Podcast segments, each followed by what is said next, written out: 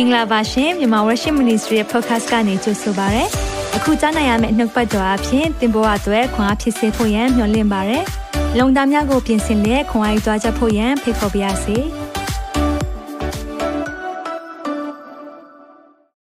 မင်္ဂလာပါသင်တော်ဖျားရှင်ကောင်းမြတ်ပါတယ်2023ခုနှစ်အပေါ်မှာဝန်ခံရအောင်ဖျားရှင်ကောင်းမြတ်ပါတယ်2023ခုနှစ်အပေါ်မှာဖျားရှင်ရန်ကောင်းမြတ်ပါတယ်မနေ့ဖြစ်ဆိုရင် ကျွန်တော်အမှုတော်ဆောင်ဖို့ဆုံးဖြတ်ပြီးတော့လုံးဝအမှုတော်မြတ်လောကတဲကိုခြေစုံပြုတ်ဝင်ဖို့ဆုံးဖြတ်တဲ့ရှစ်နှစ်မြောက်နှစ်လေးဖြစ်ပါတယ်ဒီရှစ်နှစ်တာကာလတစ်ခုလုံးကြည်လာတဲ့ခါမှာတော့ဖျားကောင်းမြတ်ခြင်းတွေကကျွန်တော်တို့တွေးတောကြံစီထားတာထက်ကိုဘုရားပို့ဆောင်တာကိုတွေ့ရတယ်။အာကျွန်တော်မှုဆောင်မှုတော်ဆောင်ဖြစ်လာတာအံ့ဩတဲ့သူအများကြီးရှိတယ်။အာမအံ့ဩပါနဲ့လို့အဲ့ဒီအံ့ဩတဲ့ထဲမှာကျွန်တော်ကအံ့ဩဆုံးတစ်ယောက်ဖြစ်ပါတယ်လို့ ကျွန်တော်ငယ်တော့ကကျွန်တော်သိခဲ့တဲ့သူတွေရှိမယ်။အာကျွန်တော်နဲ့ဝင်းရက်မြေတခုတည်းကြီးလာတဲ့သူတွေရှိမယ်။ကျွန်တော်အကြောင်းကိုအသေးစိတ်သိတဲ့လူရှိတယ်။ဘလို့မှအမှုတော်ဆောင်ဖြစ်ဖို့ရန်အကြောင်းမရှိဘူးလို့ထင်ထားတဲ့သူတွေပါ။ဒါကြောင့်အဲဘာပဲပြောပြောပေါ့နော်ဖခင်ရဲ့အကြံစီနဲ့အလိုတော်ထဲမှာအသက်ရှင်ခွင့်ရတယ်မိသားစုဆိုရန်အံ့ဩတယ်ကျွန်တော်ကအံ့ဩဆုံးဖြစ်တယ်မနေ့ဖြစ်ဆိုရှင်းနှစ်ပြည့်သွားပြီ အာဟီဟီပြင်းနံပါတ်ဒီထဲမှာတော့ကနန်းရှစ်ကနန်းကပါလဲဆိုရင်တော့ new beginning ဆိုတော့အသစ်ပြန်လဲရေးပြုလုပ်မဲ့အရာဆိုတော့ဖခင်ဘာတွေအသစ်ပြုမလဲတော့မသိဘူးဆိုတော့ကျွန်တော်တို့အခုခုနှစ်ကတော့ပြီးပြည့်စုံခြင်းပေါ့နော်ရှစ်ဆိုရင်တော့8 number 8ကပါလဲဆိုရင်တော့ new beginning ဆိုတော့ကျွန်တော်ယုံကြည်တယ်2023ဟာဖခင်ကအရင်ကပြုလုပ်ထားတာတဲ့တာ၍အသစ်ပြုလုပ်မယ် new beginning မျက်စိနဲ့မမြင်နိုင်နားဖြင့်မကြားစိတ်နှလုံးနဲ့မကြံစီသေးတဲ့အရာတွေဖះပြင်ဆင်မယ်လို့ယုံကြည်ပါတယ်ကျွန်တော်အတွက်ပဲမဟုတ်ဘူးမြန်မာ worship အသင်းတော်တစ်ခုလုံးအတွက်ယုံကြည်တယ်အာမင်သင်အတွက်ကျွန်တော်ယုံကြည်တယ်သင်ကိုဖះပို့ဆောင်မယ်သင်အားဖြင့်ဖះရဲ့ဘုန်းတော်နာမတော့အထူးထင်ရှားမယ်လို့ယုံကြည်တယ်ဒါကြောင့် new beginning လူမီဒီက credit တော်၌ရှိလဲအသစ်ပြုပြင်သောသတ္တဝါဖြစ်ဤဟောင်းသောအရာတို့သည်ပြောင်းလဲခတ်သိမ်းသောအရာအသစ်ဖြစ်ကြပြီအသစ်ဖြစ်မဲ့အရာတွေ တော့2023မှာကျွန်တော်တို့ဖရားရဲ့ပို့ဆောင်ခြင်းဘာကြောင့်လဲ2023ဒီတိုးထိန်နှစ်အတူသွားမယ့်နှစ်လည်းဖြစ်တယ်ဟာလေလုယာဒါကြောင့်တိုးထိန်နှစ်အတူသွားမယ့်နှစ်ဖြစ်တာကြောင့်အခြေအနေအရန်ထူခြားမယ်တချို့အရာတွေကိုမရောက်ဘူးလို့ထင်ထားတဲ့နေရာတွေလွယ်လွယ်ကူကူရောက်သွားမယ်နော်ဒီနေ့မှာဝန်ခံမှာဒါကဖရားရဲ့နှုတ်ပတ်တော်နဲ့ဖရားရဲ့ပြောတဲ့စကားဖြစ်တယ်ယုံကြည်ပါတချို့အရာတွေကိုမထင်ထားတဲ့အရာတွေ စိန်လန်းသောချက်စားရရက်နဲ့တာယာသောမျက်နှာကိုဘုရားပို့ဆောင်လိမ့်မယ်။ယုံကြည်ပါသိုးထိန်နဲ့အတူသွားမယ်လို့သင်ဆုံးဖြတ်ချက်ချလိုက်တဲ့အချိန်ကစလို့သင်ရဲ့သက်တာလုံးဝပြောင်းလဲသွားပြီ။အာမင်။ဒါကြောင့်မလို့ဘုရားရဲ့ပို့ဆောင်မဲ့နှစ်ဖြစ်တဲ့အထူးပဲမဆာမဲ့နှစ်ဖြစ်တဲ့သိုးထိန်နဲ့အတူသွားမဲ့နှစ်ဖြစ်တယ်။အာမင်။ဒါကြောင့်ကျွန်တော်တို့သိုးထိန်နဲ့အတူသွားမဲ့နှစ်မှာဘာတွေကိုဆောင်ရမလဲ။ဘာတွေကိုရှောင်ရမလဲ။ကျွန်တော်တို့ series သွားမှာဖြစ်တယ်ဒါကြောင့် with the shepherd เนาะကျွန်တော်တို့သိုးထိန်တဲ့အတူဆိုတဲ့ခေါင်းစဉ်အောက်မှာနှုတ်ကပတ်တော်တွေကျွန်တော်လေ့လာသွားမယ်ဆိုတော့ဒီနှစ်ကအရန်ထူးခြားမဲ့နှစ်ဖြစ်တယ် new beginning with the shepherd တချို့လူတွေကိုကိုကိုသွားပြီးတော့ကိုကိုစူးစမ်းခဲ့ပေမဲ့ဒီနှစ်မှာသခင်နဲ့သိုးထိန်နဲ့အတူသွားမဲ့နှစ်ဖြစ်တယ်။ဒါကြောင့်မလို့သင်ရဲ့သက်တာဟာလည်းအင်မတန်မှထူးခြားပြီးတော့ပြောင်မြောက်မဲ့နှစ်လည်းဖြစ်တယ်။ယုံကြည်ပါဝန်ခံပါအာမင်။ ဘာကြောင့်လဲသင်ရဲ့ရှေ့ရေးဟာသင်ရဲ့ပါဇက်ထဲမှာရှိတယ်။သင်ရဲ့ဝန်ခံမှုရှိတယ်။ဝန်ခံမှုမှားခဲ့တာကြောင့်ကျွန်တော်တို့ဘဝမှာလည်းရသင့်ရထိုက်တဲ့ကောင်းကြီးတွေလွတ်သွားခဲ့ဘူးတယ်။ဒါပေမဲ့ဒီနေ့မှာဝန်ခံရအောင်ဘုရားရှင်အရာအလုံးတတ်နိုင်တယ်။ဘုရားကအသစ်ပြုပြင်မယ်။အသစ်ပြင်ဆင်ပေးမယ်။အာမင်မမြင်ရတဲ့ဟာတွေမတွေ့ဘူးတဲ့အရာတွေဘုရားက2023ခုနှစ်မှာ ပို့ဆောင်လမ်းပြမယ်နှစ်ဖြစ်တယ်လို့သင်ယုံကြည်ဖို့လိုပါတယ်ဟာလေလုယာဖခင်ရှင်ကောင်းမြတ်တယ်ဒါကြောင့်ဒီကမ္ဘာလုံးမှာကြီးရှုနေကြတဲ့သူအားလုံးပေါ်မှာဖခင်ရှင်အထူးကောင်းကြီးပေးပါစေဒီနှုတ်ပတ်တော်တွေကိုထပ်မံပြန်ကြီးရှုတဲ့သူများအားလုံးပေါ်မှာလည်းဖခင်ရဲ့သာ၍ဖွင့်ပြခြင်းနဲ့အတူသိုးထိန်တဲ့သွားသောနှစ်ဖြစ်ပါစေလို့ရှေးဦးစွာဆုတောင်းပေးပါတယ်ခဏလောက်ကျွန်တော်တို့နှုတ်ပတ်တော်ဝန်ခံရင်းနဲ့အသက်တာကိုပြင်ဆင်ရအောင်အာမင် နှုတ်ပတ်တော်သည်အကျွန်ုပ်ခြေရှိမှမိခွက်ဖြစ်၍အကျွန်ုပ်လမ်းကြီးကိုလင်းစေပါ၏တစ်ခါလောက်ဝန်ခံပါအောင်နှုတ်ပတ်တော်သည်အကျွန်ုပ်ခြေရှိမှမိခွက်ဖြစ်၍အကျွန်ုပ်လမ်းကြီးကိုလင်းစေပါ၏တို့ထင်းရဲ့အသံဆိုတာပါလေနှုတ်ပတ်တော်ဖြစ်တယ် နှုတ်ကပတ်တော်နဲ့သွားတဲ့သူဘယ်တော့မှခင်နောက်မကြအောင်နှုတ်ကပတ်တော်နဲ့သွားတဲ့သူဖခင်ကဘာလုပ်မလဲဆိုတာအမြဲတမ်းကြိုပြီးတော့ပြောလေးရှိတယ်အာမင်ဒါကြောင့်မလို့ကျွန်တော်သက်သားတွေခဏလောက်နှလုံးသားတွေပြင်ဆင်ရင်းနဲ့ဒီ New Year message မှာဖခင်ဘာပြောမှာလဲကျမကိုဘာပြောမလဲကျွန်တော်ကိုဘာပြောမလဲခဏလောက်နှလုံးသားတွေပြင်ဆင်ပြီးတော့ဒီနေ့အသက်တာကိုစက္ကန့်နိုင်ရအောင် သက်ရှင်သောဖခင်နာမတော်ကိုချီးမွမ်းနေပို့ဆောင်တဲ့အရာအတွက်ယေရှုတင်တယ်။လမ်းပြတဲ့အရာအတွက်ယေရှုတင်တယ်။ကိုရောကိုချီးမွမ်းခြင်းဂုဏ်ပြုခြင်းအလုံးကိုရောပေးပါတယ်။ကိုရောအားဖြင့်သာဖြစ်ကြောင်းဝန်ခံပါ၏။ဒီ2023ဒီ with the shepherd တိုးထိန်တဲ့အတူသွားမဲ့နှစ်ဖြစ်တာကြောင့်ကိုရောကိုယ်တိုင်ကျွန်တော်တို့ကိုလမ်းပြပါ။ကိုရောရဲ့စကားသံနဲ့သွားတော်သူများဖြစ်ပါမိကြောင်းလက်ဝဲနိုင်သက်တာတွေကိုအနှံ့တယ်ဒီနှုတ်ပတ်တော်အဖြစ်အသက်တာမှာတစ်နှစ်လုံးအတွက်ထူးခြားပြီးတော့လက်ဆွဲ ကင်ဆွဲနိုင်တဲ့နှုတ်ပတ်တော်ဖြစ်ပါမိကြောင်းဝိညာဉ်တော်ပြကျွန်တော်တို့ကိုနားလည်စေပါအစီအစဉ်ကိုနောက်ဆက်ပေးတဲ့ဝိညာဉ်စိုးလုံးရဲ့အားလုံးယေရှုနာမ၌ဖယ်ရှားပါ၏နှလုံးသားအသီးသီးကိုယေရှုနာမ၌ကောင်းချီးပေးလေတပါးတော်သားတော်မြတ်သခင်ယေရှုနာမ၌စက္ကန့်နဲ့ဆုတောင်းပါ၏အာမင် New Year resolution ကြားဘူးပါလိမ့်မယ်နော် New Year resolution ဆိုတာဘာလဲဆိုရင်တော့နှစ်သိရောက်လာပြီဆိုရင်လူတွေကဆုံးဖြတ်ချက်ချလေရှိတယ် ဥမာဒီနှစ်တော့ငါအစားဆင်ချင်စားမယ်အဲဒါ New Year ဆုံးဖြတ်ချက်ဒီနှစ်တော့ငါလေ့ကျင့်ခန်းပို့လုပ်မယ်နော်ဆုံးဖြတ်ချက်တွေအမျိုးမျိုးချထားတာရှိတယ်ဒီနှစ်တော့ပတ်စံအများကြီးမသုံးတော့ဘဲနဲ့စုမယ်ဒီနှစ်တော့အာ relationship တွေပြန်လဲတည်ဆောက်မယ်ဒီနှစ်တော့ဆိုပြီးတော့ကျွန်တော်တို့ဒီနှစ်ဒီနှစ်ဆိုပြီးတော့ဆုံးဖြတ်ချက်ချလေရှိတဲ့အရာလည်းဖြစ်တယ် အရန်ကောင်းတယ် New Year New You New Year ဖြစ်ပြီးတော့ကျွန်တော်တို့အသစ်တစ်ခုခုတော့လုပ်မယ်ဆိုပြီးဆုံးဖြတ်ချက်ချတတ်တယ်ဒါပေမဲ့တဲ့အဲ့ဒီ New Year resolution တွေကိုတဲ့ဆိုတော့နှစ်သစ်ဆုံးဖြတ်ချက်တွေကိုတကယ်လိုက်ရှောက်နိုင်တဲ့သူဟာအင်မတန်နဲတယ်ဆိုပြီးတော့စစ်တမ်းကပြောထားတယ်ဆိုတော့အာ New Year မှာတခုခုလုပ်မယ်နော်ဆုံးဖြတ်ပေမဲ့တဲ့အဲ့ဒီနှစ်ဆုံးတဲ့ခါကျရင် မလုတ်ဖြစ်တာများတယ်ဥမာအာစာအုပ်ဘယ်နှအုပ်ဖတ်မယ်နော်တချို့ဆိုရင်စာအုပ်12အုပ်ဖတ်မယ်တလားတအုပ်ဒါပေမဲ့နှစ်ဆုံးတဲ့ခါမှာမဖတ်ဖြစ်တာလည်းရှိတယ်အာဖះနဲ့အချင်းယူမယ်တနေ့တော့3နာရီလောက်နေတဲ့အနည်းဆုံးစုတောင်းမယ်ဆုံးဖြတ်ချက်ချတယ်ဒါပေမဲ့မိနစ်30တောင်းဖို့တောင်ခက်တဲ့အချိန်ရှိတယ်ဒါပေမဲ့ဘလို့ပဲဆုံးဖြတ်ချက်ချပါလိမ့်စေကောင်းပါတယ်ဆုံးဖြတ်ချက်မရှိတာထက်ဆုံးဖြတ်ချက်တစ်ခုခုချတာကောင်းတယ်ဒါကြောင့် New Year resolution ချတာကောင်းတယ်ဒါပေမဲ့သင်နားလဲပါ သင်ကြိုးစားရင်ခက်လိမ့်မယ်ဒါကြောင့်သိုးထိန်နဲ့အတူသွားတဲ့နှစ်ဖြစ်ရအောင်2023ဟာသိုးထိန်နဲ့အတူသွားမယ့်နှစ်ဖြစ်တယ်2023မှာသခင်မစားမယ်ဒါအောင်ယုံကြည်ရအောင်တော့ကျွန်တော်တို့လည်းစူးစမ်းပြီးတော့လုပ်တဲ့အရာအများကြီးရှိခဲ့တယ်အာအဲ့ဒီထဲမှာထူးထူးခြားခြားဖြစ်တာကတော့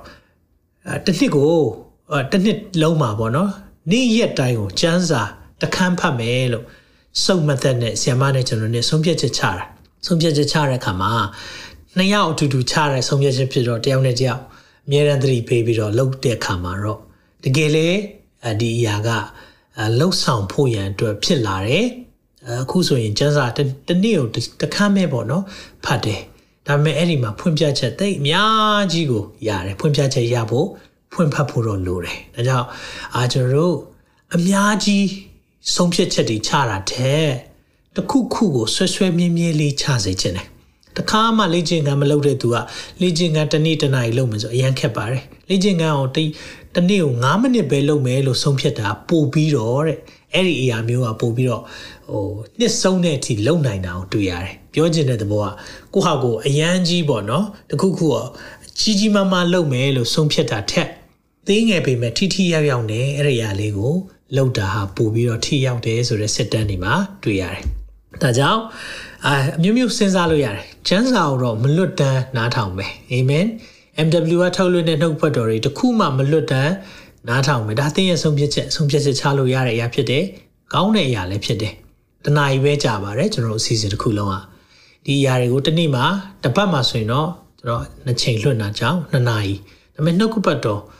နှစ်နာရီနားထောင်ခြင်းအပြင်အသက်တာမှာထူးခြားတာခုနဆင်မဖတ်သွားတဲ့သက်သေခံချက်ဒီသက်သေခံချက်တွေကြားတိုင်းကျွန်တော်မယိုးနိုင်ဘူး။ဘာကြောင့်လဲဖះရှင်ရဲ့ကောင်းမြတ်ခြင်းကိုဒီနေ့လက်တွေ့ကြားရအရာဖြစ်တယ်။ကြီးမြတ်တဲ့ဖះရှင်ဒါ၍ဘုံကြည်ပါစေ။2023ဆောင်ပုဒ်ကတော့သိုးထိန်နဲ့အတူဆိုတဲ့အရာပဲဖြစ်ပါတယ်ဒါကြောင့် with the shepherd shepherd ဆိုတာကတော့သိုးထိန်ဖြစ်တယ်သခင်ယေရှုကို ဖော်ညွှန်းတဲ့အရာဖြစ်တယ်ဒါကြောင့်ကျွန်တော်တို့သိုးထိန်နဲ့အတူ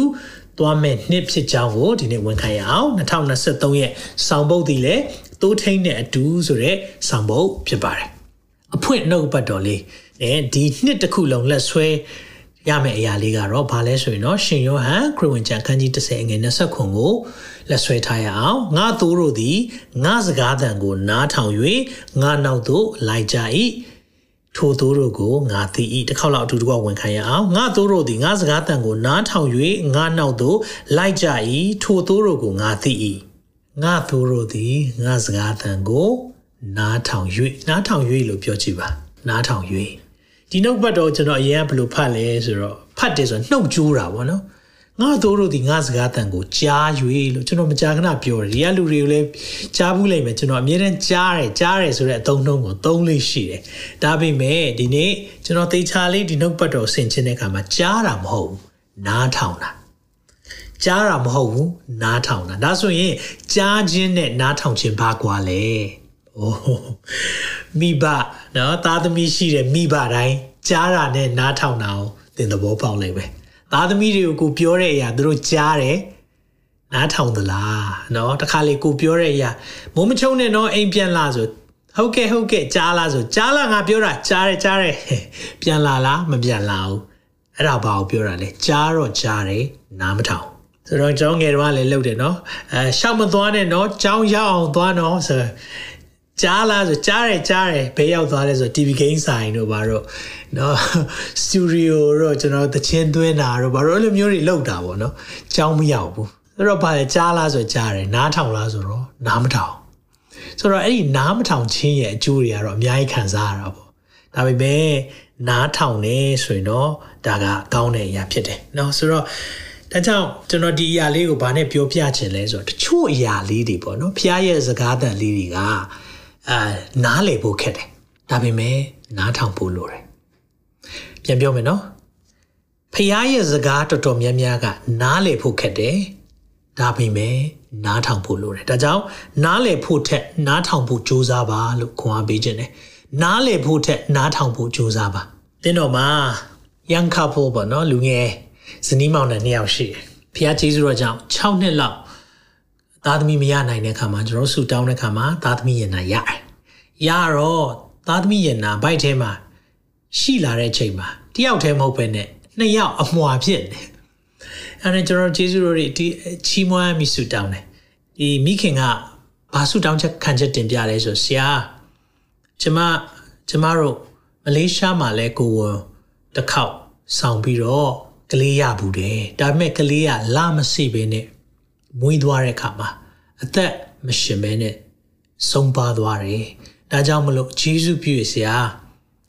ဒီကလေးနှစ်ယောက်မွေးတဲ့အခါမှာနေစီလာစီနဲ့မွေးရဖို့ရန်အတွက်ဆုတောင်းပေးပါတဲ့ဟုတ်ပြီဆိုကျွန်တော်အတင်းတော်တစ်ခုလုံးဆုတောင်းကြတယ်ဆုတောင်းတဲ့ချိန်မှာအဲ့ဒါနဲ့ကျွန်တော်တို့ connect group Queensland မှာ Sunday တရက်ကြတော့ကျွန်တော်တို့လှုပ်ရောလှုပ်တဲ့ချိန်မှာဒီကိုဝင်က9လပြည့်မဲ့အချိန်လေးပဲရှိသေးတယ် အဲ့ဒါနဲ့ကျွန်တော်တို့ကျေးဇူးတော်ချီးမွမ်းခြင်းအစီအစဉ်လည်းရှိတော့ KFC ကျွေးတယ်အိမ်တွေကအဲ KFC တွေဘာတွေအများကြီးသူလည်းစားတယ်စားလဲစားပြီးတော့ကျွန်တော်တို့အားလုံးအာစီစဉ်ပြီးတော့အိမ်ပြန်တဲ့အခါမှာလမ်းတစ်ဝက်လေးရောက်ရောဖုန်းဆက်လာတယ်ဆရာမဆရာမဘာဖြစ်လဲမသိဘူးဘိုက်ရမ်းနာတယ်အဲသွေးတွေလည်းထွက်တယ်ကျေးဇူးပြုလာကြည့်ပေးပါအောင်ဆိုတော့အဲ့နဲ့ကျွန်တော်သွားတဲ့အခါမှာဆရာမအာဒါဆိုရင်တော့ midwife ကိုဖုန်းခေါ်ရမယ်ဆိုတော့ midwife ကို ဖုန်းခေါ်တဲ့အခါမှာသူတို့ကချက်ချင်းပဲဆေးရုံသွားပါတဲ့အခုချက်ချင်းသွားပါဆိုတော့အဲ့နဲ့ဆေးရုံသွားကြတယ်သူတို့ဆေးရုံပို့ပြီးဆေးရုံပို့ပြီးဆရာဝန်တွေနဲ့စကားပြောတဲ့အခါမှာဆရာဝန်တွေကချက်ချင်းပါပြောလဲဆိုတော့ကလေးမွေးရမယ်တဲ့ခွဲပြီးတော့မွေးရမယ်တဲ့ဘာကြောင့်လဲဆိုတော့ကလေးနှစ်ယောက်ရဲ့အနေအထားမတူဘူးတဲ့ဒီအချိန်မှာမမွေးဘူးဆိုရင်တော့အသက်အန္တရာယ်ရှိနိုင်တယ်ဆိုတော့သဘောတူလားဆိုတော့ဟာဆုံးဖြတ်ချက်ချက်ချင်းချရတော့မယ်အဲ့ဒါနဲ့ဆရာမကလည်းကဲ ဆရာဝန်တွေလက်ထဲမှာရှိတယ်နင်တို့ဘယ်လိုလဲဆိုတော့သူတို့ကမတတ်နိုင်ဘူးဒီချိန်တော့ဆရာဝန်တွေကတော့ခွဲမွေးရမယ်ဆိုဖြစ်ချင်တော့အဲ့ဒီနေ့ကတနင်္ဂနွေနေ့ဖြစ်ပေမဲ့ဆရာဝန်တွေအများကြီးရှိတဲ့ရက်ပဲဖြစ်နေခွဲမွေးမယ်ဆိုတော့လက်မထိုးပြီးတော့ခွဲခန်းထဲဝင်သွားတိတ်မကြောက်နှစ်နိုင်လောက်ပဲကြာတယ်အဆအဆုံးပြီးလဲပြီးရောကလေးအောင်မြင်စွာခွဲပြီးတော့မွေးနိုင်တယ်တဲ့သတင်းကြတော့ကျွန်တော်တို့အရန်ဝမ်းသာခွဲမွေးတဲ့ကာလတစ်လျှောက်လုံးကျွန်တော်တို့အပြင်မှာဆူတောင်းနေကြတယ် အဲ့ဒါနဲ့ညနေလဲရောက်ရောကလေးတွေအရန်ငယ်တဲ့ခါမှာလာလည်းမစိတဲ့ခါမှာဒါဖန်ပြွန်ထဲမှာထားရမှာပေါ့နော်ဒါ intensive care ဆိုတာအထူးစောင့်ရှောက်ရမယ့်နေရာမှာထားရမယ်ဆိုပြီးတော့ဆရာဝန်တွေကခေါ်သွားတယ်အဲ့နဲ့မိခင်ကလည်းဘိုက်ခွဲပြီးမွေးတော့သူလည်းဘိုက်လည်းနာအဲ့နဲ့ဆရာမတဲ့ဆရာမကိုမိခွန်းတစ်ခုမေးခြင်းနဲ့တဲ့ဖျားသခင်အားတဲ့ကျမတို့ရဲ့ဆုတောင်းချက်ကိုဘာကြောင့်နားမညောင်းတာလဲအဲ့ဒါ तू ကလည်းတကယ်ကို လေးလေးနက်နက် seriously မေးတယ်ဆရာမလည်းပြန်ဖြေဖို့ရန်ကျွန်တော်တို့လည်းပြန်ဖြေဖို့ရန်မိခွန်းကအဲ့ဒီမိခွန်းရဲ့အဖြေကမရှိဘူးဒါပေမဲ့ဆရာမသူ့ကိုပြန်ပြောလိုက်တယ်သမီးဘယ်အရာပဲဖြစ်ဖြစ်ဖះကအကောင်းဆုံးကြံစီထားတယ်ဆိုတာနားလဲပါဆရာမမှာအဖြေမရှိဘူးဒါပေမဲ့မိနားလဲပါဖះအကောင်းဆုံးကြံစီထားတယ်အဲ့ဒါနဲ့ဆူတောင်းပေးပြီးတော့ ပြန်လာကြတယ်ဒီမှာသူလဲစေယုံဆင်းတော့ကလေးတွေကဆင်းလို့မရသေးဘူးအနည်းဆုံးတော့2လ3လတော့စေယုံမှာထားရအောင်မယ်ဆိုပြီးတော့ဒီမှာစေယုံမှာပဲဆက်ထားတယ်အဲ့ဒါသူတို့လည်းကလေးတွေကိုနေတိုင်းနေပါသွားတွေ့သွားသွားတွေ့လို့ရတယ်သွားတွေ့တဲ့အချိန်မှာလည်းကလေးတွေကိုဆရာဝန်ဆရာမတွေကပြုစုထားတဲ့အရာလေးတွေကအကောင်းဆုံးပြုစုထားတာလည်းတွေ့ရတဲ့အခါမှာကလေးတွေကမွေးတဲ့အချိန်မှာတော့ 1kg လောက်ပဲရှိတယ်ဒါပေမဲ့တပြည့်ပြည့်သူတို့ရဲ့အလေးချိန်လေးတွေတက်လာတယ် တက်လာပြီးကလေးတွေကကျန်းမာလာတယ်လှုပ်ရှားလာတယ်ပုံမှန်လေးဖြစ်လာတယ်ပုံလန်ပုံမှန်လေးဖြစ်လာတဲ့အချိန်ကျတော့အဲ့ဒီမှာနှစ်လလောက်လဲနေရောဆရာမကမေးခွန်းပြန်မေးတယ်အမီးဖះရဲ့အကြံစီကိုနားလဲပြီလားလို့ပြောတော့ကျမအခုချိန်မှာဖះရဲ့အကြံစီကိုအများကြီးနားလဲသွားပြီသူပိုက်ခွဲပြီးသားအိမ်ရောက်လာမယ်ကလေးနှစ်ယောက်နဲ့ရောက်လာမယ်ဆိုရင်သူဒီနှစ်ယောက်ကိုကြည်နိုင်မှာမဟုတ်သူတို့ကလည်းငယ်ရွယ်တဲ့ နော်ဇနီးမောင်နှံဖြစ်တဲ့အခါမှာအတွေ့အကြုံမရှိတဲ့အခါမှာဒီအရာတွေအားလုံးကိုသူတို့ကြော်လွှားဖို့ဆိုတာမဖြစ်နိုင်မဖြစ်နိုင်တဲ့အခါမှာဖះကကြိုတင်သိလားဆိုသိတယ်ဒါကြောင့်မလို့2023ခုနှစ်မှာဖះနဲ့သွားလာမယ်ဆိုတချို့အရာလေးတွေကျွန်တော်တို့မသိနိုင်တာအများကြီးရှိလိမ့်မယ်ဒါပေမဲ့မိတ်ဆွေတို့တခုနားလဲစေချင်တယ်ဖះကအကောင်းဆုံးသောအရာတွေကြံစီထားတယ်လို့ ခံယူရအောင်အာမင်ခတ်သိမ်းသောအရာတညီတညွတ်တဲ့ငါတို့ရဲ့အကျိုးကိုပြုတယ်လို့ယောမရှစ်အငယ်28မှာပြောထားတယ်ဒီအရာလေးကိုအတူတူကဖတ်ကြည့်အောင်ဖျားသခင်ကိုချစ်တော်သူတည်ဟုသောကြံစီတော်မူခြင်းအတိုင်းခေါ်တော်မူသောသူတို့၏အကျိုးကိုခတ်သိမ်းသောအရာတို့သည်တညီတညွတ်တဲ့ပြုစုကြသည်ကိုငါတို့ တည်ကြ၏ဟာလေလုယာခတ်သိမ်းသောအရာတညီတညွတ်တဲ့ပြုစုတယ်ဒါပေမဲ့ကိုလိုချင်တဲ့အဖြေလားလုံးဝမဟုတ်ဘူးကိုဖြစ်ချင်တဲ့ဆန္ဒလားမဟုတ်ဘူးဒါပေမဲ့တောင်းတဲ့အရာတဲ့ဖခင်လေကောင်းတဲ့အရာကိုပေးတာအဲ့ဒီဇနီးမောင်နှံကိုကြည့်တဲ့အခါမှာသူတို့ဖះကိုကျေးဇူးတင်တယ်အဲ့ဒါနဲ့တယောက်ဒီနှစ်ယောက်ထဲမှာအငယ်လေးကပို့ပြီးကျမ်းမာတဲ့အခါမှာဆရာဝန်ကြီးအငယ်လေးကိုပြန်လာခေါ်တော့တဲ့ကျမ်းမာပြီဆိုတော့အဲ့ဒါနဲ့သူတို့အငယ်လေးကိုသူတို့ပြန်ခေါ်တယ် ပြန်ခေါ်တော့အိမ်မှာတယောက်နဲ့ကြည့်တဲ့အခါမှာသူတို့အတွက်ဘယ်လိုပြောမလဲ ready မဖြစ်နိုင်သေးတယ်နှစ်ယောက်ကိုတခါတည်းကြည့်ရမယ်အစားဖះကကျွန်တော်တို့ကိုနိုင်တဲ့လောက်လေးတယောက်ပေးတယ်မနေ့ကပဲပြောတယ်နောက်တစ်ယောက်လည်းဆေးရုံဆင်းပြီးနှစ်ယောက်လုံးဟာလေလုယာကြီးမြတ်တဲ့ဘုရားရှင်နာမတော်ဘုန်းကြီးတွေမင်္ဂလာရှိပါစေ။ဒါကြောင့်တချို့အရာလေးတွေနားမလဲတိုင်းမကြီးတွားပါနဲ့။ဘာနဲ့တူလဲဆိုတာကျွန်တော်နောက်တစ်ခုဥပမာလေးပေးခြင်းတယ်။ ဟင်းတစ်ခွက်ကိုဘုရားချက်နေတယ်လို့မြင်အောင်ကြည့်ပါ။ခောက်ဆွဲကြော်လေးဘုရားကြော်နေတယ်ဆိုပါစို့။ခောက်ဆွဲကြော်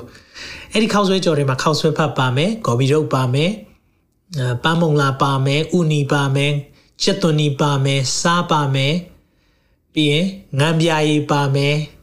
နော်ကြာညွတ်လည်းပါနိုင်တယ်အသားလည်းပါမယ်အဲ့ဒီအရာလေးတွေဖျားချက်နေတဲ့အချိန်မှာသင်ကမချက်သေးတဲ့ခါမှာသွားပြီးတော့သွားမီးကြည့်မယ်ဆိုပါစို့ ခောက်ဆွဲကိုမီးကြည့်တော့ဟမ်ပေါ်ရွှွှွကြီးခောက်ဆွဲကြီးကခောက်ဆွဲကြော်လည်းပြောသေးတယ်ဘာလို့ခောက်ဆွဲကြီးကပေါ်ရွှွှွဖြစ်တာလဲအဲ့ဒီချိန်မှာအသားကိုသွားမီးတဲ့ခါမှာဟာချက်လည်းမချက်ဘူးဘာကြီးလဲအဲ့ဒီချိန်မှာငံပြာရည်သွားမီးကြည့်မယ်ဆိုပါစို့အာငံလိုက်တာတချို့တွေဘဝမှာငံပြားရီကိုမီးဆမ်းမိနေတဲ့အချိန်ကြုံနေလိမ့်မယ်။ဒါပေမဲ့ဖះကိုမိခွန်းလုံးဝမထုံနဲ့နော်။ဘာကြောင့်လဲကျွန်တော်ပြောပြမယ်။ဖះဟင်းချက်တာမပြီးသေးဘူး။ God has not done ဖះမပြီးသေးဘူးဖះအလုံးလောက်တာမပြီးသေးတဲ့အခါမှာသင်အခုကြုံနေရတဲ့အတွေ့အကြုံပေါ်မှာဒါပဲဖြစ်မှာပဲလို့မဆုံးဖြတ်လိုက်နဲ့အာမင်မဆုံးဖြတ်လိုက်နဲ့ ဖယားကအကြံစီခတ်သိမ်းသောအရာငါတို့အကျိုးအတွက်တညီတညွတ်တည်းပြုတယ်တဲ့ခတ်သိမ်းသောအရာလို့ပြောတဲ့ခါမှာဘာပါလဲကောင်းတဲ့အရာပဲမဟုတ်ဘူးမကောင်းတာလည်းပါတတ်တယ်ကိုကြိုက်တာပဲမဟုတ်ကိုမကြိုက်တာလည်းပါတတ်တယ်အစင်ပြေတဲ့အချိန်ပဲမဟုတ်ဘူးအစင်မပြေတဲ့အရာလည်းပါတတ်တယ်ဒါကြောင့်မလို့ခတ်သိမ်းသောအရာထဲမှာသင်ပျော်ရွှင်ရတဲ့အချိန်ရှိသလိုစိတ်ညစ်ရတဲ့အချိန်လည်းရှိတယ်ဒါပေမဲ့မိတ်ဆွေဘယ်လောက်နားလဲလဲဒီနေ့ ပျော်ရွှင်ရတဲ့အချိန်ပိုမများဘူးလားကျွန်တော်တို့စိတ်ညစ်ရတဲ့အချိန်ရှိပါတယ်နေမကောင်းတဲ့အချိန်ရှိပေမဲ့ကြမ်းမာတဲ့ရက်တွေပိုများဘူးလားဟာလေလုယာဒါကြောင့်မလို့ဖခင်ရဲ့အကြံစီမပြီးသေးဘူးဝန်ခံပါဒါကြောင့်ကျွန်တော်မစိုးရိမ်ဘူးဒီအရာတွေကိုဖြတ်သန်းတဲ့အခါမှာဖခင်သူ့အချိန်နဲ့သူလှုပ်လှုပ်တယ်ဟာလေလုယာဖခင်ကလူအချိန်နဲ့အလုံးမလုပ်ဘူးသူ့အချိန်နဲ့ပဲသူလှုပ်လှုပ်တယ်ပြန်ပြောမယ်နော်ဖခင်ကလေလူအချိန်နဲ့အလုံးမလုပ်ဘူးသူ့အချိန်နဲ့သူပဲလှုပ်လှုပ်တယ် ဒါကြောင့်ခတ်သိမ်းသောအရာတညီတညွတ်တဲ့ငါတို့ရဲ့အကျိုးကိုပြုစုတယ်ဘသူတွေအတွက်လဲအမှပါတယ်ဖះကိုချစ်တော်သူတဲ့ဖះကိုတကယ်ချစ်တဲ့သူတွေအတွက်နော်ဖះကိုချစ်တဲ့သူပြီးရင်ကြံစီတော်မူခြင်းအတိုင်းခေါ်တော်မူသောသူဆိုဖះရဲ့အကြံစီထဲမှာတော့ရှိဖို့လိုတယ်ဖះကိုချစ်တဲ့သူဖြစ်ရမယ်ဖះရဲ့ခေါ်ခြင်းထဲမှာသင်ရှိနေရမယ်အေးအဲ့ဒီနှစ်ခုထဲမှာသင်ရှိနေလို့ကတော့ခတ်သိမ်းသောအရာ ဖြစ်လာတဲ့အရာအားလုံးဟာဖခင်ကတညီတညွတ်တဲ့အကျိုးကိုပြုစုလိုက်မယ်ဟာလေလုယာအာမင်နားလေဖို့ထက်နားထောင်ဖို့ပဲကြိုးစားပါတချို့ຢာတွေတင်နားမလဲဘူးကျွန်တော်လာမင်းရင်လည်းကျွန်တော်အားလုံးဖြေနိုင်မှာမဟုတ်ဘူးကျွန်တော်မသိဘူးကျွန်တော်ဖះမဟုတ်တဲ့အခါမှာတချို့ຢာတွေမသိဘူးဒါပေမဲ့သိတာတော့တခုရှိတယ်သင်ဖះကိုချစ်တယ်ဖះရဲ့အကြံစီထဲမှာသင်ရှိနေတယ်ဆိုရင်တော့ဘယ်အရာပဲကြုံကြုံ သင်တို့အကောင်းဆုံးရာဖျားပြင်ဆင်ထားတယ်အာမင်အယောင်ဒိုထိန်နဲ့သွားမယ်နှစ်ဖြစ်တဲ့အခါမှာယုံကြည်လိုက်ပါဒိုထိန်နဲ့တော့သွားဖို့လိုတယ်ဖျားကိုချစ်တဲ့သူဖခင်ရဲ့အကြံစီထဲမှာရှိရဆိုတိုးထိန်နဲ့ထတ်ချက်မခွာလိုက်တဲ့သူအဲ့ဒီအချိန်မှာကြုံရတဲ့ဘေးအန္တရာယ်ပဲဖြစ်ဖြစ်ကြုံရတဲ့မကောင်းတဲ့အရာပဲဖြစ်ဖြစ်ကြုံရတဲ့အခက်ခဲမှန်သမျှသည် သင်ကိုခိုင်ခန့်စေဖို့သင်ကိုခိုင်မာစေဖို့သင်ရဲ့အကျိုးအတွက်တညီတညွတ်တဲ့ပြုစုတယ်ဆိုတာသင်နားလည်လိုက်ပါဟာလေလုယာကြီးမြတ်တဲ့ဘုရားရှင်နာမတော်ဘုန်းကြီးပါစေအဲကြောင့်2023ကိုကျွန်တော်ဘယ်လိုသွားကြမလဲဘယ်လိုသွားမလဲတိုးထိန်နဲ့သွားမယ်ကောင်းသောတိုးထိန်နဲ့သွားမယ်သခင်ယေရှုနဲ့သွားမယ်နှစ်ဖြစ်တဲ့အခါမှာကျွန်တော်အချက်၃ချက်နဲ့ဒီနေ့မှာခွာပေးခြင်းတယ်နံပါတ်၁ကတိုးထိန်ကတင့်ကိုလမ်းပြလိုက်မယ် လုံးဝလုံးဝတန်တရားမရှိပါနဲ့သိုးထိန်ကတင့်ကိုလမ်းပြပို့ဆောင်မယ်ဆိုတာတမန်ကျမ်းစာထဲမှာအထီးကျပြောထားတယ်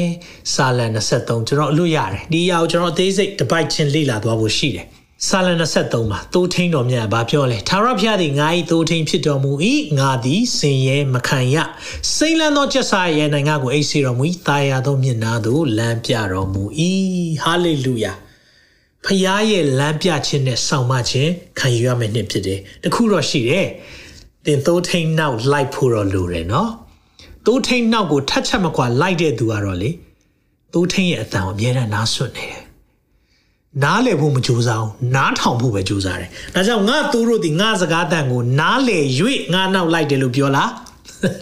ငါသူတို့ဒီငါစကားတန်ကို နားထောင်၍ငါနောက်သို့လိုက်တယ်ဒါကြောင့်လေဖះကိုနားလည်ဖို့ဒါကြိုးစားတာယုံကြည်သူတွေကနားလည်ခြင်းတယ်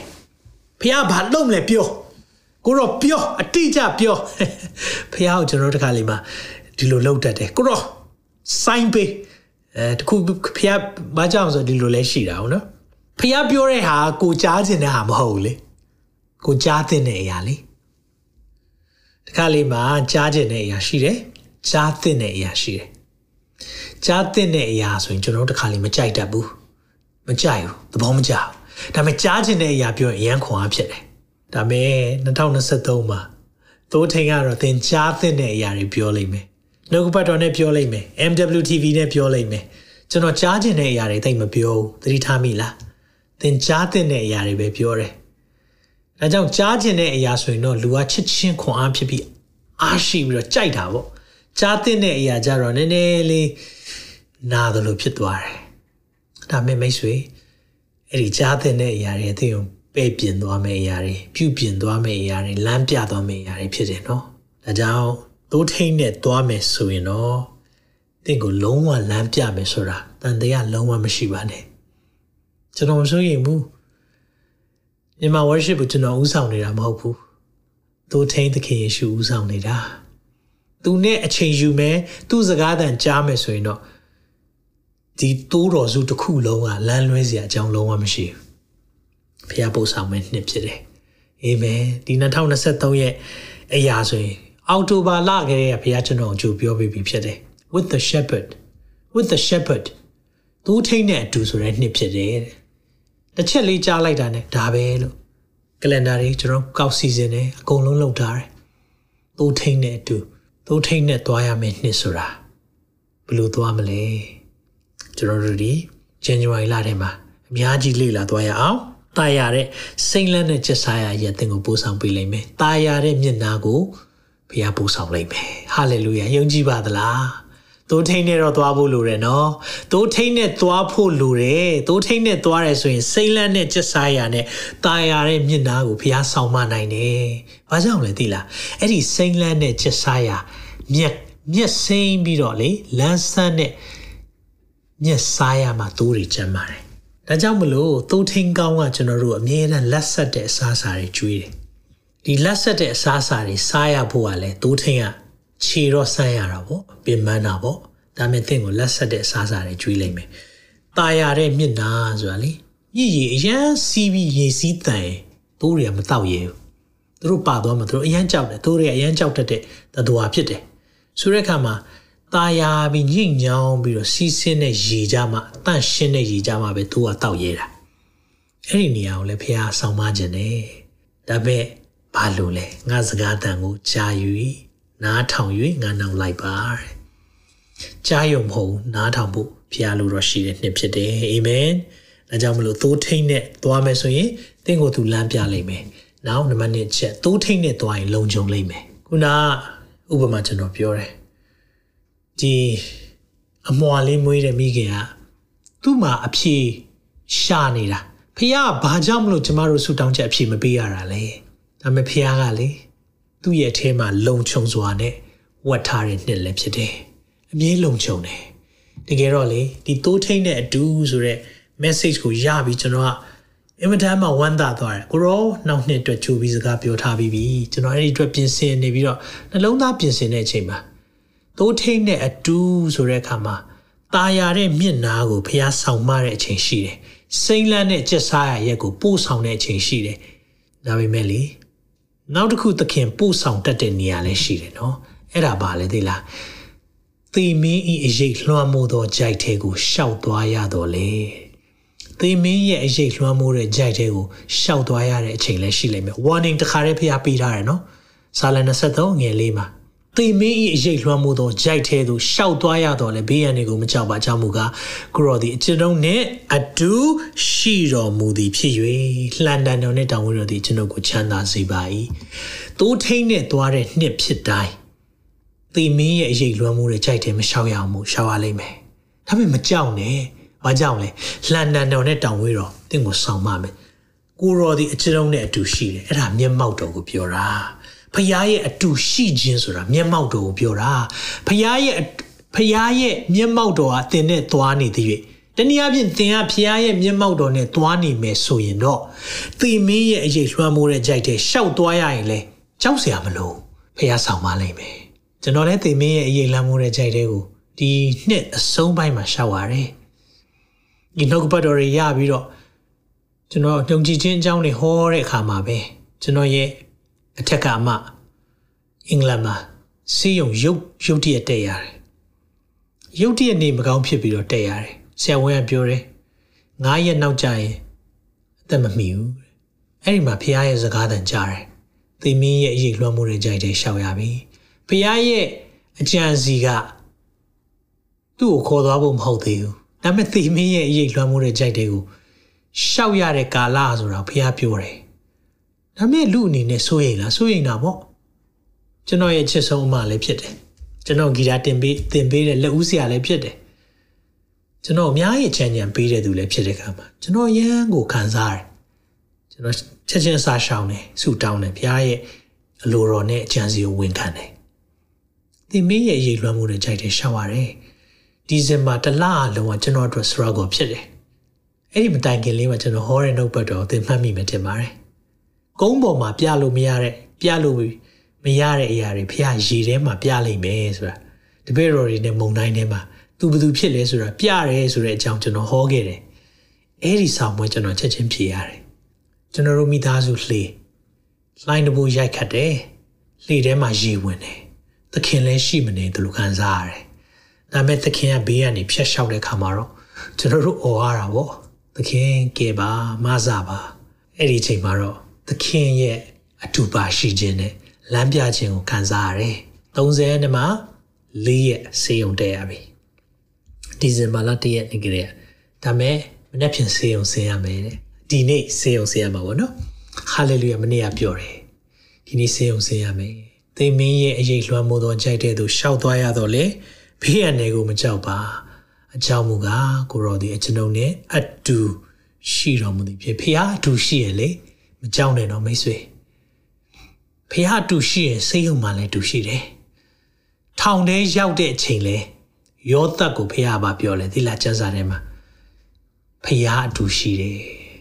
ထောင်ကျနေတဲ့အချိန်လဲဖះအတူရှိတယ်တချို့ကလူတွေကဘာပြောလဲဩဖះစီရင်ပြီလေတွေ့လား no ဖះရဲ့အကြံစီနဲ့လူတော်တင်နားမလဲပဲနဲ့ဩသူတို့သူတို့သူတို့ဒီလိုလုပ်တော့ထောင်ကြတွေ့လားဖះရိုက်ပြီလေမစီရင်ပါနဲ့အဲ့လိုမျိုး ရောသက်ထောင်ကြတာတွေ့လားအေးနေတော့နေသေးတယ်ဖြစ်မှာပေါ့ခတ်ကြွားကြွားနေတာမဟုတ်ဘူးဖះရဲ့အကြံစီမပြီးသေးဘူးထောင်မကြလို့မရအောင်တခါလေးမှဘိုးရမှာအနိုင်ဆုံးအချိန်နေနဲ့သူသာပောတိဖာအိမ်မှာအဲ့လိုမျိုးစုံစမ်းခြင်းမခံရအောင်ဆိုရင်တော်ဝင်နန်းနန်းထဲမှာအလုပ်လုပ်တဲ့နန်းတော်ထဲမှာအလုပ်လုပ်တဲ့သူတွေရှိတဲ့နေရာကိုသူမရောက်ပဲသူနန်းသုံးနဲ့ အမှုကျင့်နေစကားတွေဘလို့သင်ပါလဲအရာအလုံးကဘုရားကျွန်တော်တို့သွန်သင်တဲ့အရာတွေကြီးပဲဒါကြောင့်မလို့ तू ကစားတော်ဝင်ဖလားတော်ဝင်နဲ့အတူရှိတဲ့ခါမှာနန်းတွင်เจ้าနေသူအများကြီးသင်ရတယ်ဒါပေမဲ့အဲ့ဒီထောင်ကြတဲ့အချိန်မှာလဲဘုရားအတူရှိတယ်တဲ့ဆေးရုံရောက်ရင်လဲဘုရားအတူရှိတယ်နော်သင်လမ်းဘေးရောက်ပြီးတော့စီးပွားရေးပြတ်သွားရင်လဲဘုရားအတူရှိတယ် ဘုရားအတူရှိရင်သင်ဘာမှကြောက်စရာမလိုအာမင်ဒါကြောင့်တိုးထိန်နဲ့သွားရင်တော့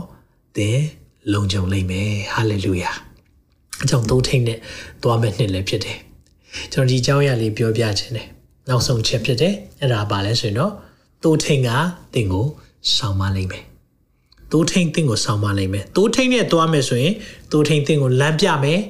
ပိုးဆောင်မဲ့နေရာတွေရှိတယ်။တိုးထိန်နဲ့သွားရင်သေမင်းရဲ့အရေးလွှမ်းမိုးတဲ့ကြိုက်တွေရှောက်ရင်လည်းလုံခြုံလိမ့်မယ်။ပြီးရင်နောက်ဆုံးချက်တိုးထိန်နဲ့သွားရဆိုရင်တော့သင်ရဲ့သက်တာကိုဘုရားကစောင့်ပါလိမ့်မယ်။ဩစတြေးလျမှာတိုးလေးတစ်ကောင်ပျောက်သွားတယ်။ပျောက်သွားတာ9နှစ်လောက်ရှိပြီလို့သူတို့ခန့်မှန်းကြတယ်။အဲ့ဒီတိုးရဲ့နာမည်က Barack တဲ့ Barack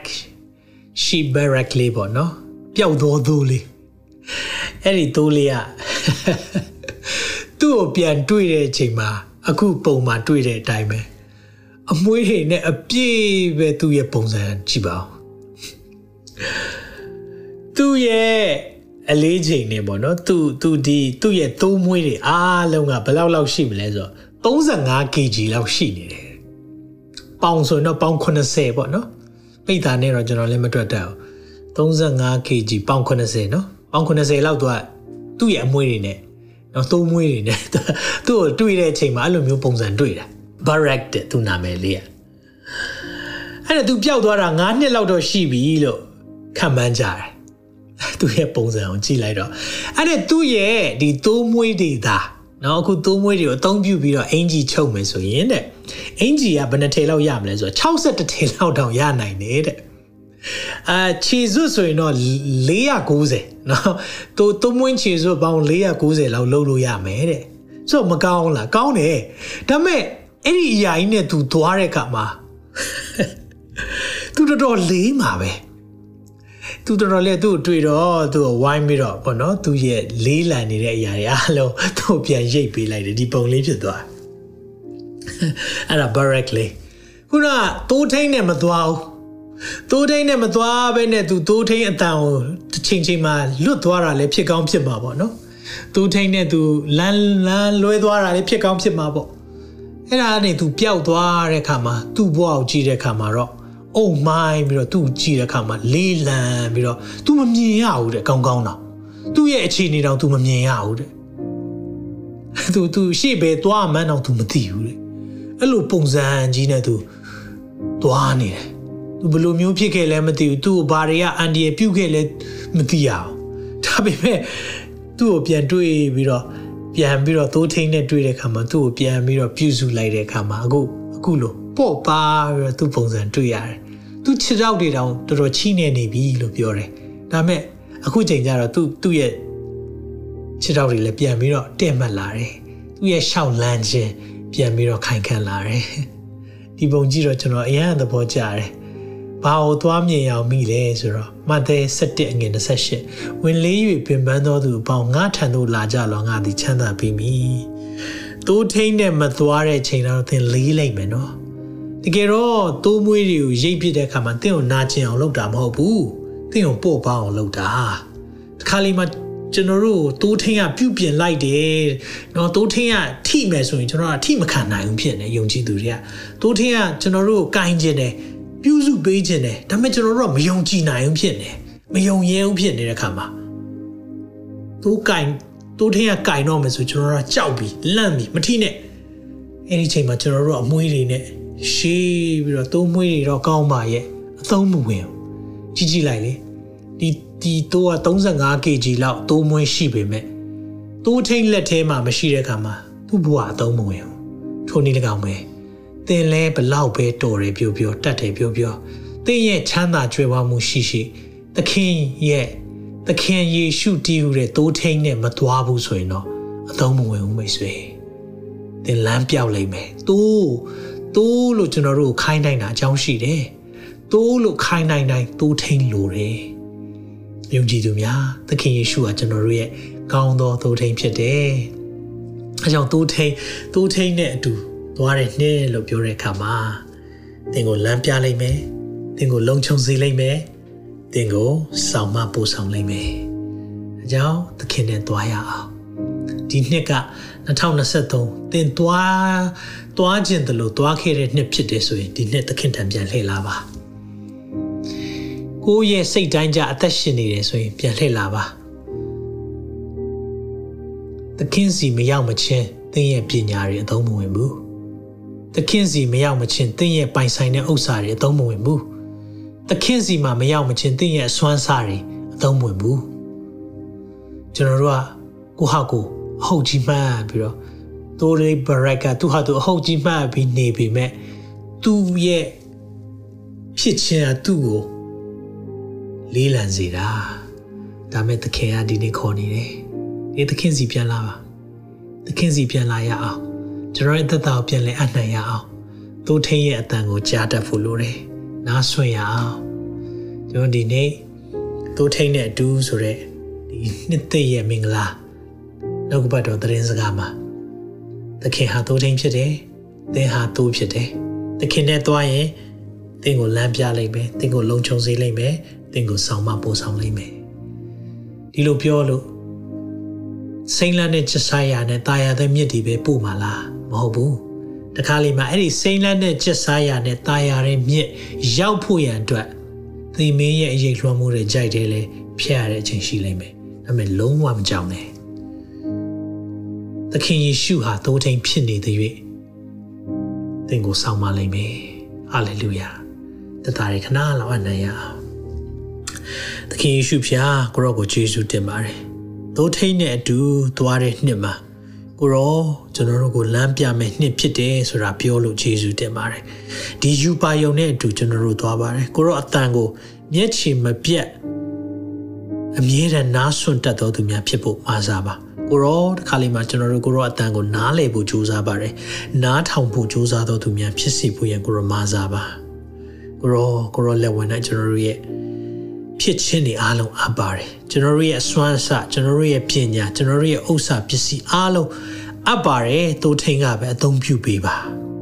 သို့ထိန်စီရောက်မှကျွန်တော်တို့ရဲ့ရှိခြင်းဟာတန်ဖိုးရှိတယ်လို့ပဲကိုရောလက်ထဲမှာကျွန်တော်တို့ရဲ့အစွမ်းအစတွေကျွန်တော်တို့ရဲ့တန်ဖိုးတွေလည်းကိုရောမြင့်တင်ပေးမယ်ဆိုတာကိုယုံကြည်ပါတယ်အဲကြောင့်တယောက်ချင်းစီတိုင်းရဲ့သက်တာကိုဖျားရှင်ကိုရောတိုင်လမ်းပြပါကောင်းသောသိုးထိန်ဖြစ်ကြောင်းကိုရောသက်သေပြခဲ့တယ်လို့ပဲကျွန်တော်တို့ဒီလဲ ကိုရောနှောက်ကိုထတ်ချက်မခွာလိုက်သောသိုးများဖြစ်စီလို့ဝိညာဉ်တော်ဖျားကျွန်တော်တို့ကိုလမ်းပြပို့ဆောင်ကောင်းချီးပေးပါ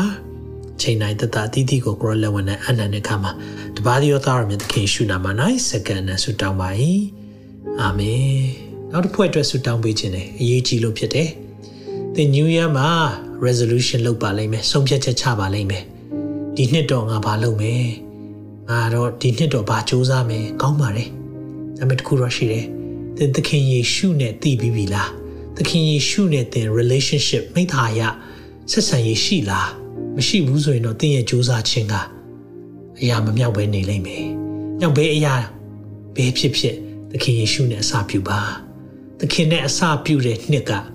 သင်ဘဝရဲ့ထူးခြားတဲ့နှစ်ဖြစ်မယ်။သင်သင်ကိုသင်သုံးမယ်။တနည်းအားဖြင့်သင်အဝေးမှာရောက်နေတဲ့သူလို့ခံစားရဆိုရင်တော့သခင်ဒီနေ့ခေါ်နေပြီ။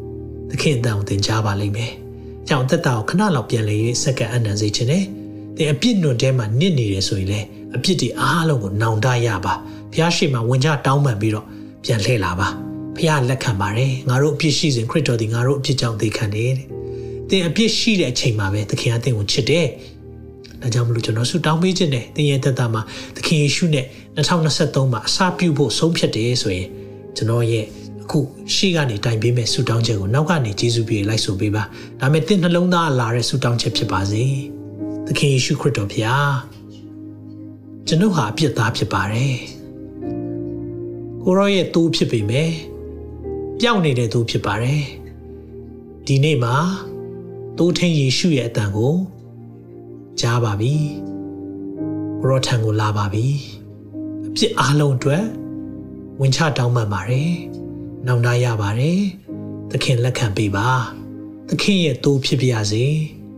သူထိန်နဲ့အတူသွားသောနှစ်ဖြစ်ပါရစေကိုရောလမ်းပြပို့ဆောင်ပါသခင်ယေရှုနာမ၌စက္ကန့်နဲ့ဆုတောင်းပါ၏အာမင်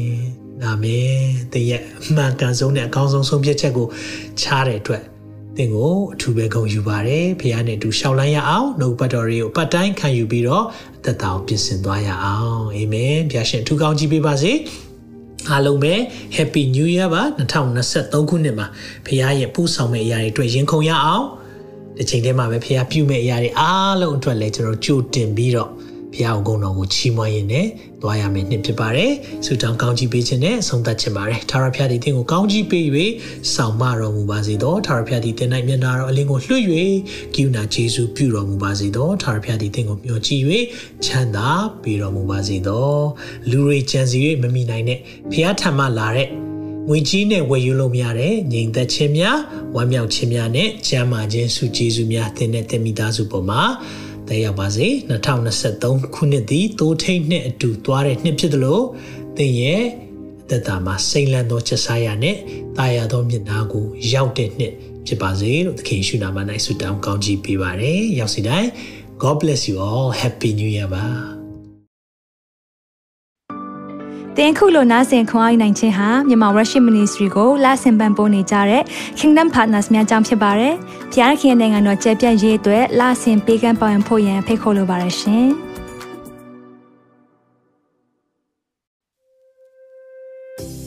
။အခုကြားနာခဲ့ရတဲ့နှုတ်ပတ်တော်အဖြစ်ခွန်အားရရှိမဲ့လို့ယုံကြည်မျှော်လင့်ပါတယ်။ခွန်အားရဆိုလို့ရှိရင်ဒီတစ်ပတ်နဲ့ပြန်လည်ဝင်မြပေးဖို့ရန်တောင်းဆိုပါရစေ။ မြန်မာ Worship Ministry ရဲ့ website myanmarworship.com ကိုလည်းလာရောက်လေ့လာဖို့ရန်တက်ဖိတ်ခေါ်ချင်ပါတယ်။တစ်ချိန်တည်းမှာမြန်မာ Worship Ministry ရဲ့ social media platform များဖြစ်တဲ့မြန်မာ Worship YouTube Channel, မြန်မာ Worship Facebook Page နဲ့မြန်မာ Worship Instagram များကိုလည်းလာရောက်လေ့လာဖို့ရန်အတွက်ဖိတ်ခေါ်ချင်ပါတယ်။နောက်တစ်ချိန်မှာပြန်လည်ဆုံတွေ့ကြပါစို့။ဖျားရှင်ကောင်းကြီးပေးပါစေ။